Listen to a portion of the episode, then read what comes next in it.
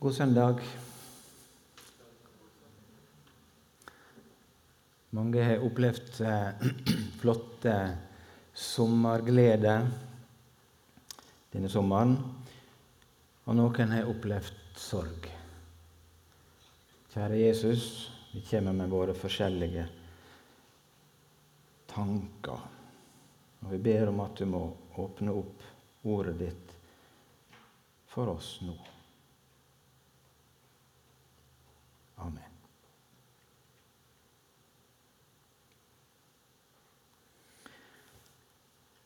Tvillinger har ofte sterke bånd til hverandre. Det er jo ikke så rart, for de har jo delt barneværelse helt ifra unnfangelsen. Tenk hvor tett de har vært disse første ni månedene. Og vi ser at noen tvillinger kan være helt sånn uatskillelige eh, gjennom livet. Eh, hva tror du? Er det litt derfor at, at når, eh, når, det blir konflikter mellom tvillinger, så blir det så, en sånn ekstra voldsom eh, påkjenning?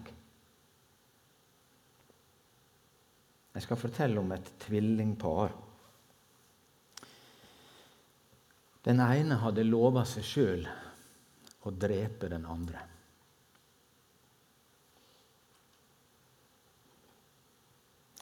Og så går åra. Men så helt uventa så kommer anledninga til å få fullført det han har tenkt. Og det virker som han har tenkt å bruke den anledninga. Når det uunngåelige møtet nærmer seg, så kommer han til møteplassen med 400 mann.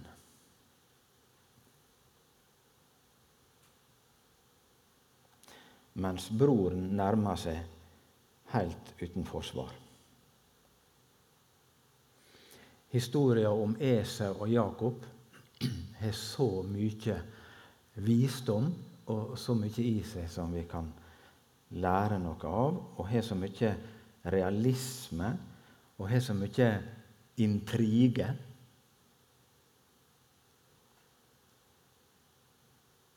Men når jeg leser denne fortellinga, så tenker jeg hvorfor vil en ny bibelleser hvorfor vil en ny bibelleser tenke at dette virkelig har skjedd sånn?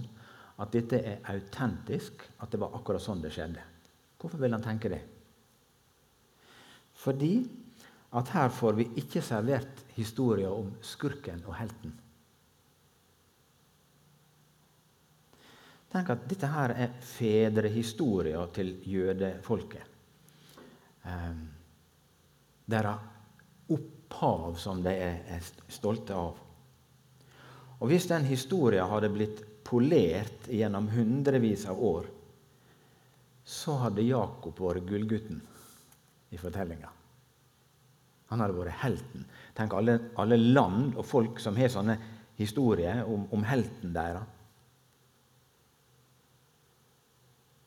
Tenk at et folk tar vare på et slikt ettermæle som ettermælet om Jakob, eh, og, og gjenforteller det.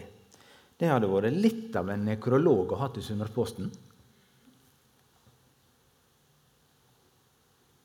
Alt i unge år kom han seg fram med triks og lureri. Bruker ikke å stå sånn, sant? Men Bibelen snakker sånn. Og Det sier litt om hvor sannferdig og annerledes Bibelen er. Og Jeg bare satt og funderte og tenkte litt igjennom Jakobs sitt liv. Vi så det allerede i fødselen. Når den, eh, når den første kom og ble født, så oppdaga de at nummer to prøver å holde den igjen og holder fast i hælen. Ja, og ikke bare der. Ja, han fikk forresten navn etter det. For de, de, de ga nå et navn som, som, sa noe om akkurat det, som kan forstås som 'han som holder i hælen', Jakob. Men som også, når du hørte det ordet, ligna på ordet 'bedrager'. Så fikk han det navnet. Men det rare er at det var jo der allerede underveis i, i svangerskapet. Så kjente mor at de sparka hverandre. Og så kommer, Etter at de ble voksne, så kommer den situasjonen der Jakob eh, en gang Esau er sulten, klarer å, å, å lure til seg førstefødselsretten, det vi kaller odelsretten, som betyr at han da fikk en dobbel del av arven. Og så, den gangen når han lurer til seg Abrahams velsignelse eh, fra en halvblind far eh, Og den velsignelsen som, som var Guds løfte om, eh, om å bli et stort folk, eh, om å, å eh, om velsignelse, rikdom, og det var landløftet som han skulle få. Det var jo tusen ganger større verdi enn førstefødselsretten. Men etter det så er Jakob på flukt. Ehm, han er på flukt til onkel Laban. Og så snur historia. For da er det han sjøl som blir lurt. Den gangen han skal få eh, datter til onkel Laban til kone, og i ly av nattemørket så klarer onkelen å lure inn feil jente. Og så blir det hun Lea. Men Jakob reagerer ikke så veldig, for han skjønner at han møter igjen seg sjøl.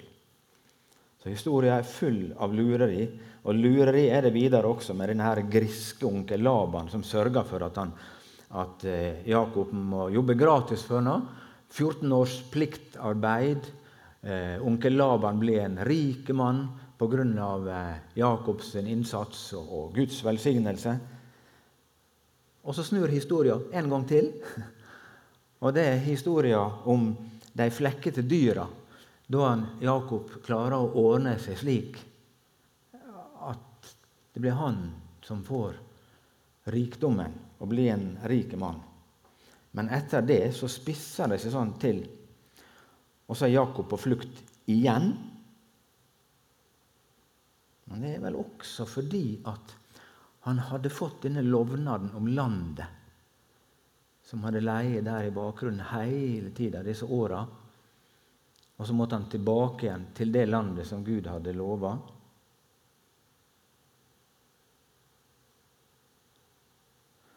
Jeg kom til å tenke på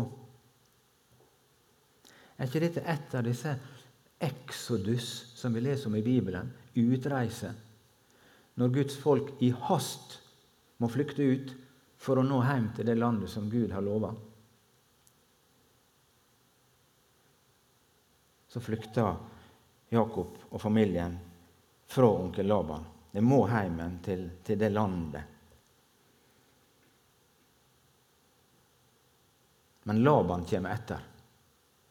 oppstår en veldig farlig situasjon. Akkurat slik som farao også kom etter den gangen folket rømte fra Egypt senere.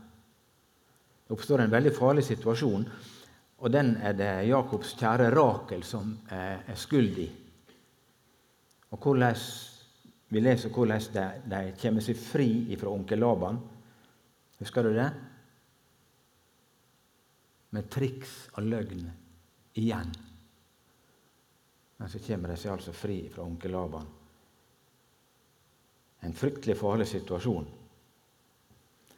Men Jakob vet at det er en enda større fare som venter. Hva slags fare er det som venter? Det er en fare som mange kan kjenne seg igjen i, og som kanskje noen av oss her også kan kjenne oss igjen i. Det er ei sak som ikke er oppgjort. En gammel sak som, han, som er leie der i tanken gjennom alle disse åra. I over 20 år er den saka leie der og ulma i tanken. Og han visste at en dag så må det bli en konfrontasjon. Og Det er den faren han frykter for, som han veit nå nærmer seg. Mange voksne, også kristne, kan gå med slike uoppgjorte ting som en veit ligger der. Men også ungdommer kan ha sånne ting som ligger der i tanken. Jeg skulle ha, jeg skulle ha møtt, jeg skulle ha Det skulle vært oppgjort. En konfrontasjon. Så sender Jakob melding når det er underveis, sender en tjener i forveien til Esau med melding. Og det er 1. Mosebok 32, vers 5.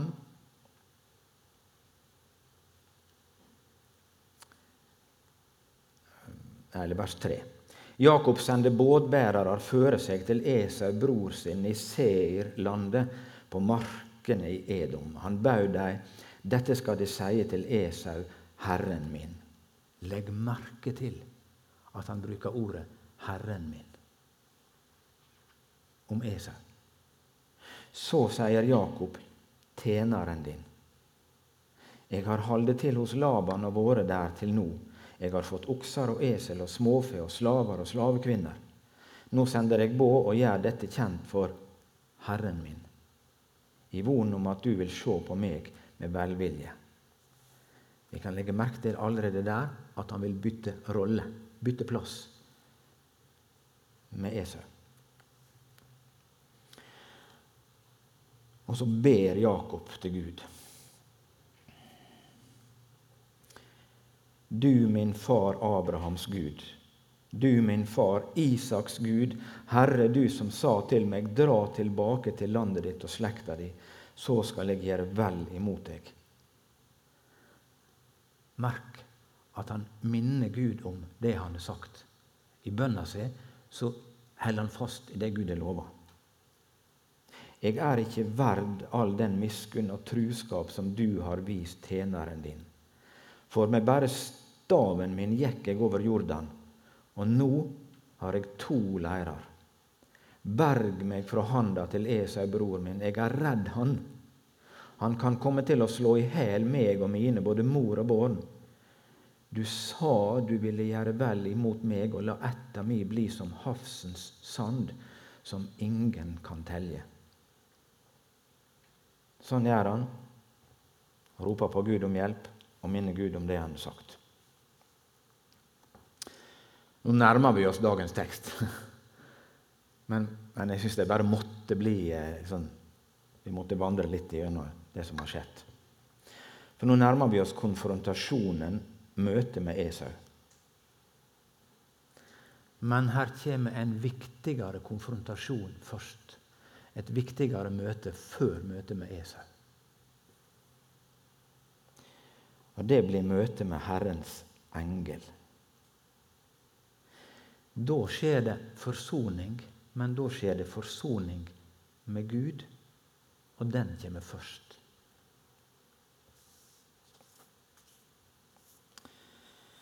Kapittel 32 i Første Mosebok forteller om, om bønnekampen den natta.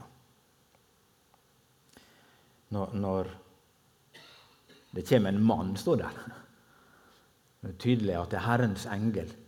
Og, og, og vi har vel lært hvem Herrens engel er når vi leser om han i Det gamle testamentet. Det er Jesus. Og han slåss med henne. Han kjemper både åndelig og fysisk eh, den natta. Det er bønnekampen med Gud. Jeg kan ikke la være å tenke på en annen som kjempa en bønnekamp ei natt i Getsemane. Og Det var akkurat som den gangen også, at den egentlige seieren, den skjedde der, den natta, i bønnekampen.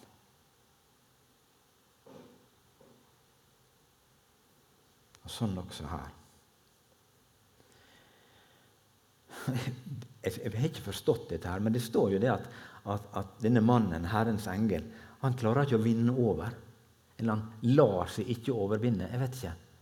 Og så slår han til Jakob i hofta, slik at hofta hans går ut av ledd. Opp med ei hånd de som har opplevd å få hofta seg ut av ledd. Få så Ja, du har prøvd. Det er ikke godt. Du er ikke helt gangbar hvis du, hvis du opplever det. Han slår hofta ut av ledd. Det står det. Hofteskåla. Men likevel Jakob nekta å slippe Gud før Gud velsigna ham. Og da er det at dette overraskende spørsmålet kommer. Så spør Gud han, hva er navnet ditt? Hva er det spørsmål? Det visste han jo.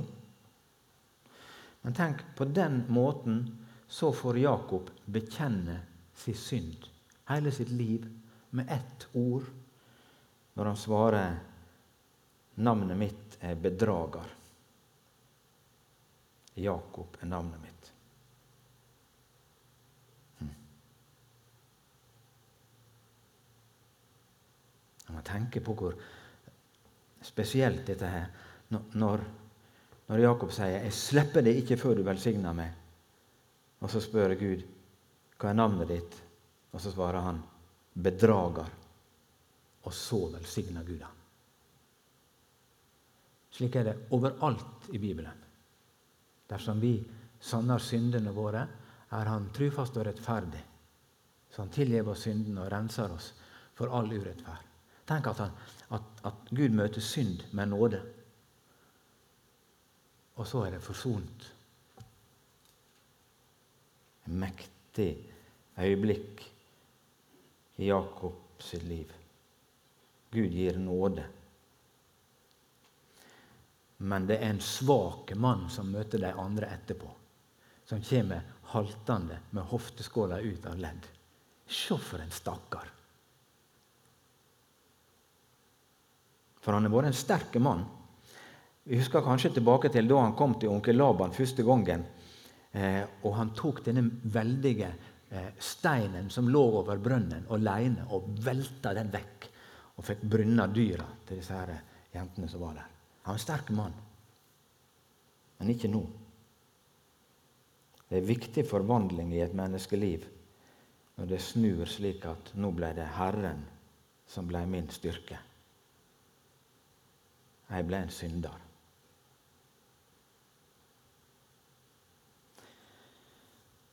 Forsoning med Gud. Hvor skal dette gå? Jakob så opp og fikk øye på Esau, som kom med 400 mann. Og så har han ingenting å stille opp med. Ingenting å stille opp med. Ja. Bare ta bort teksten fra skjermen, så kan dere få høre i stedet. Så tar vi det bit for bit.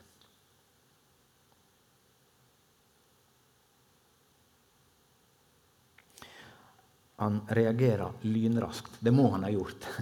Av og til går ting fryktelig fort. I hast så organiserer han familien sin eh, på en spesiell måte. Fordi at dette er en farlig situasjon. Han veit ikke hva som kommer.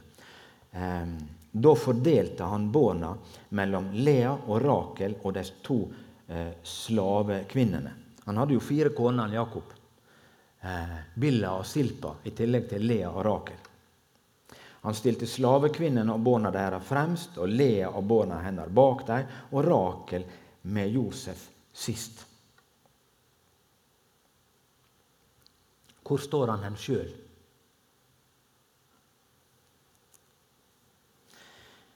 En bibeltolker som sier at her møter vi en flunkende ny Jakob. Den gamle og redde bedrageren ville ha stilt seg bakerst. Nå stiller han seg fremst framfor familien.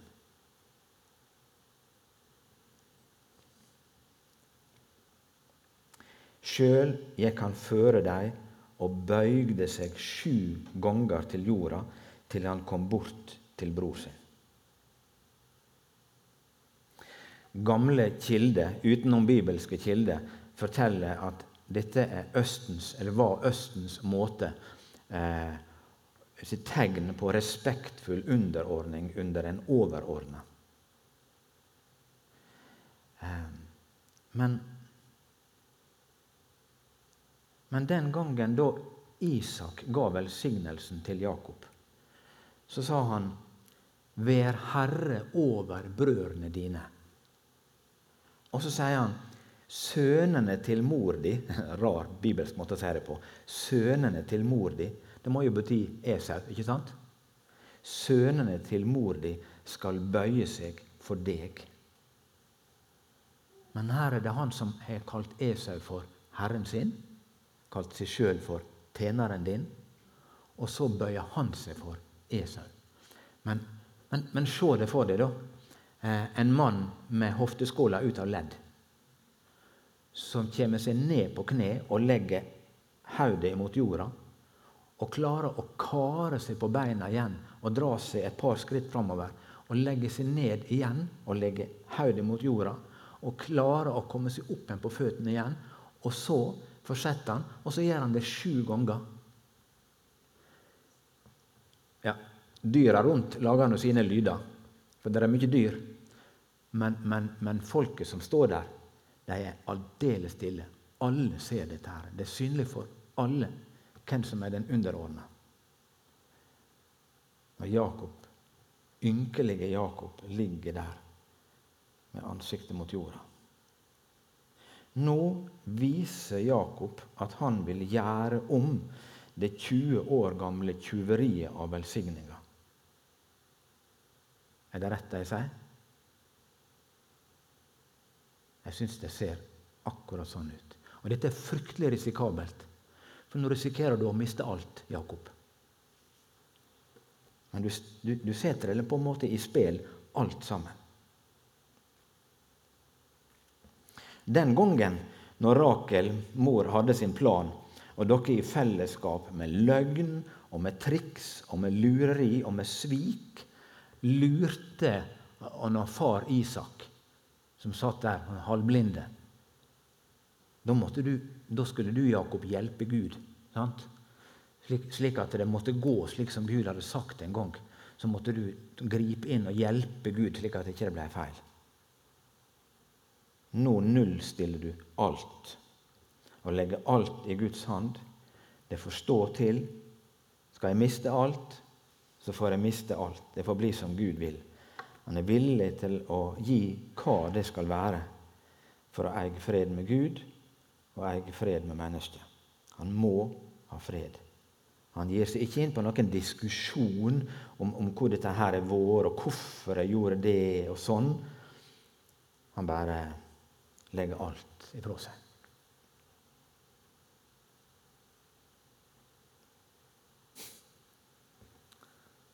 og står der som bedrageren. Det minner sånn Det minner sånn om en annen lillebror en gang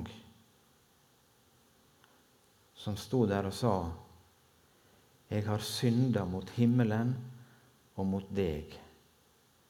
Jeg er ikke verdig. Skal du?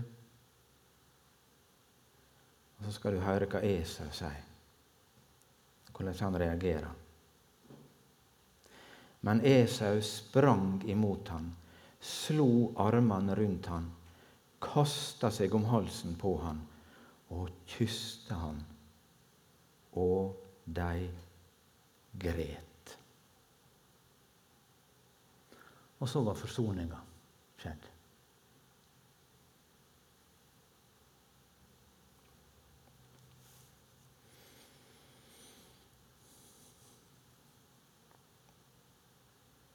I virkeligheten så er det Guds nåde Jakob møter. Når han møter Esau på denne måten. Esau forstår nok ikke det, men det er det Jakob møter. Den gangen når Jakob fikk velsignelsen av Isak, så var det Esau som sto der etterpå og gret høyt. Nå gret Jakob i lag med Esau.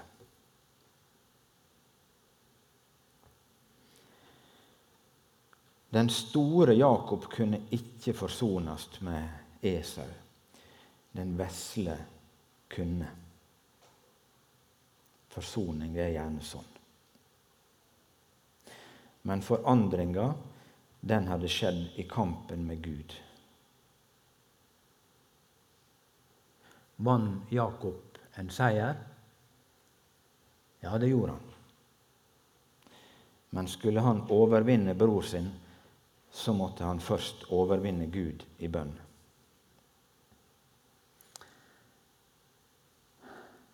Du skal få lov å komme med protester etterpå. Du mener jeg sier feil. Men jeg tenker at den seieren han vant overfor Gud, seieren var at han sjøl tapte. Han sjøl tapte, og så vant han alt.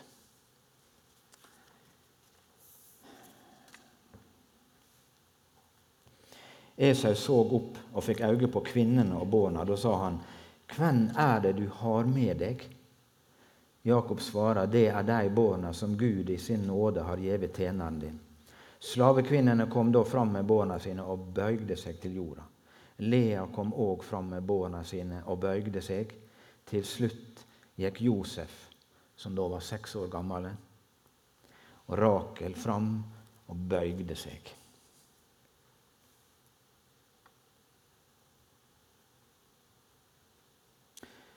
Alle viser samme respekt og underordning og stiller som tjenere for Esau.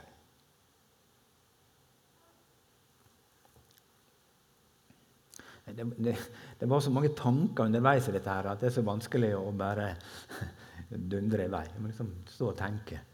Det, det var en sånn eh, gjenoppreising av et forhold som skjer her. Og Det virker som en viktig del av gjenoppreisinga er den måten som, som Jakob nå begynner å omtale Esau. Snakke om den andre på en ny måte. Det tror jeg har vist seg i mange relasjoner. At det at en ikke stadig går og murrer og snakker negativt, men at en begynner å leite fram de gode tinga og sier som kan snu klimaet helt. Jakob gjorde en ting til som helt sikkert var klokt. Før han nådde fram til, til, Esau, så tok han ut ei hel mengd av buskapen sin og delte den flokken inn i tre flokker. Så hadde han folk som skulle føre disse flokkene imot Esau. Og den som hadde ansvar for hver av de tre driftene, han, han, skulle, han skulle da melde ifra til, eh, til Esau om hva dette her er for noe. Og Det ble sendt om en viss avstand, slik at han fikk den første og den andre og den tredje. Og Jeg kan fortelle dere hvor mye det var. Det var 200 geiter og 20 geitebukker. Det var 200 sauer og 20 værer. Det var 30 kameler og følga deres. Det er jo så stilt her, men kan, kan, du, kan, kan du, høre føre det? All, all, denne lyden? Det fryktelige mengder med dyr. Det var 40 kyr. Mø! Ja. 40 kyr og 10 okser. Det var 20 eselhopper og 10 esel.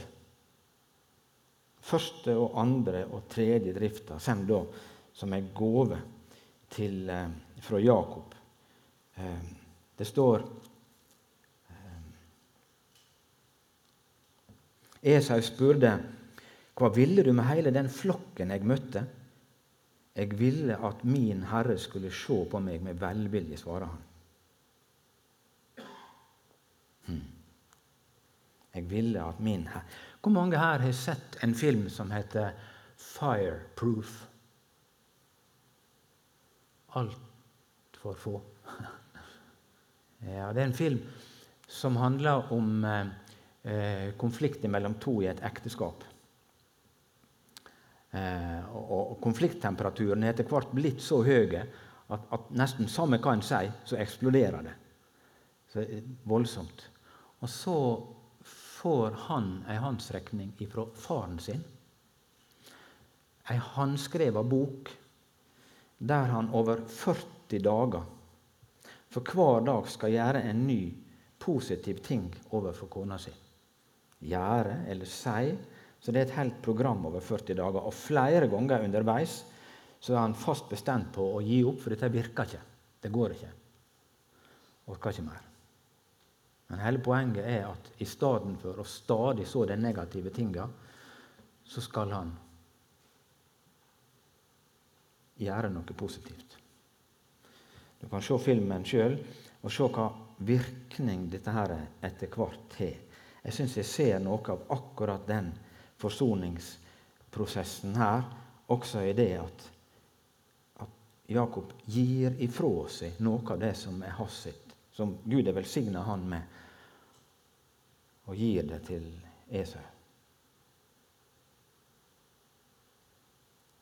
Ja, Vi kan lese det Esau sa. Da sa Esau, 'Jeg har rikelig, bror. Ta du vare på det som er ditt.' Nei, kjære deg, svarer Jakob, du ser, du ser på meg med velvilje. Eh, ser du på meg med velvilje, så ta imot gåva mi. For da jeg så andletet ditt, var det som jeg så Guds eget andlet. Så vennlig var du mot meg. Ta nå imot gåva som jeg let sende deg, for Gud har vært nådig mot meg, og jeg har alt jeg trenger. Jakob ba han så inntrengende at han tok imot gåva.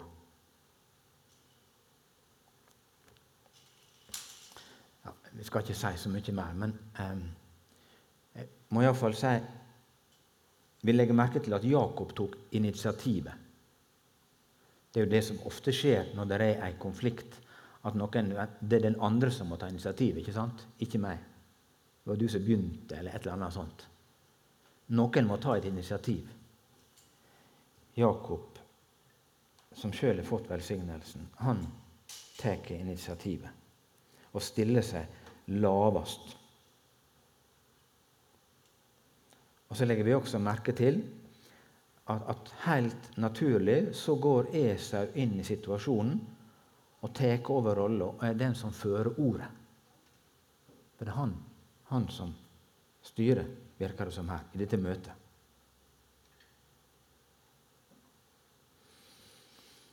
Kjempekrevende for den som skulle ta initiativet, men helt nødvendig. Se på dette nydelige uttrykket. Um, da jeg så andletet ditt, var det som jeg så Guds eget andlet. Så vennlig var du imot meg. Og Det er jo egentlig det Jakob møter. Han møter Guds nåde. Han møter Guds ansikt. Jeg forstår nok ikke det, men han ser inn i Guds nåde. Og så forteller Bibelen oss her igjen hvordan Guds godhet og nåde alltid er. Den er overraskende. Den er uventa. Den er ufortjent. Den omfavner oss når vi aller minst venter det. Men sånn er Guds nåde.